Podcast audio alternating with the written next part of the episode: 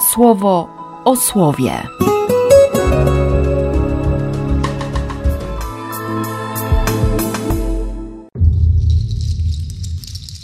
15 czerwca, wtorek. Z drugiego listu do Koryntian. Donoszę wam, bracia, o łasce Boga danej kościołom Macedonii. Oto, mimo wielkiej próby ucisku, pełnia ich radości i wielkie ubóstwo zaowocowały obficie bogactwem ich hojności. Ofiarowali według możliwości, a nawet, zaświadczam, ponad swe możliwości – z własnej inicjatywy i z wielką gorliwością, prosząc nas o łaskę współudziału w tej posłudze na rzecz świętych. Wbrew naszym oczekiwaniom, od razu ofiarowali siebie Panu i nam z woli Boga, Także poprosiliśmy Tytusa, by jak wcześniej zaczął, tak by teraz u Was dokończył również to dobroczynne dzieło. Jak zatem macie bogactwo wszystkiego wiary i słowa, i poznania, i wszelkiej gorliwości, i tej z naszej strony miłości do Was, tak okażcie się bogaci i w tym dobroczynnym dziele. Nie mówię tego z intencją nakazu, lecz z chęcią wypróbowania przez odwołanie się do gorliwości innych, jak szlachetna jest także Wasza miłość. Bo przecież znacie życzliwość Pana naszego Jezusa Chrystusa, że choć bogaty, dla Was stał się ubogi, abyście Wy dzięki owemu Jego zubożeniu stali się bogaci. Z Ewangelii według świętego Mateusza. Słyszeliście, że powiedziano: Będziesz miłował bliźniego swojego, a wroga swojego będziesz nienawidził.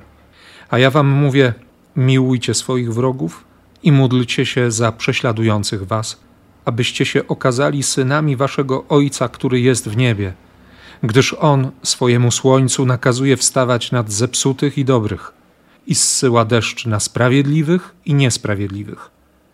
Jeśli będziecie miłować tylko tych, którzy was miłują, jaką będziecie mieć zapłatę? Czyż i celnicy tego nie czynią? I jeśli pozdrawiać będziecie tylko swoich braci, cóż nadzwyczajnego uczynicie? Czyż i poganie tego nie czynią? Wy zatem będziecie tak doskonali, jak doskonały jest wasz Ojciec Niebieski. Można powiedzieć, że Paweł próbuje zmotywować, zmobilizować Koryntian do tego, żeby, żeby okazali hojność wobec braci w Jeruzalem. Przede wszystkim o biednych i cierpiących głód w Palestynie. Oczywiście można się odnieść do tego, że, że Kościół w Jerozolimie potrafi przepuścić każde pieniądze, jakie dostaje, ale pomoc jest konieczna i można się uciekać do różnych wybiegów, do różnych form motywacji, ale ostatecznie fundamentem każdej formy miłości jest Chrystus. I w sumie chyba o to najbardziej chodzi. Dzisiaj tak to czytam również dla siebie. Znam życzliwość Pana naszego, Jezusa Chrystusa. On, bogaty, dla mnie stał się ubogi. Stał się podobny do mnie, po to, żebym dzięki Jego zubożeniu stał się bogatym. To jest życzliwość Boga. Ma taką miłość, że da mi wszystko. Pewnie, że to jakoś wywołuje pragnienie wzajemności, albo przynajmniej niezostawienia tego wszystkiego dla siebie, bo i tak nie jestem w stanie ogarnąć tego, co otrzymałem. Nie wykorzystam w pełni darów ofiarowanych z hojności Boga. Więc czemu się nie podzielić?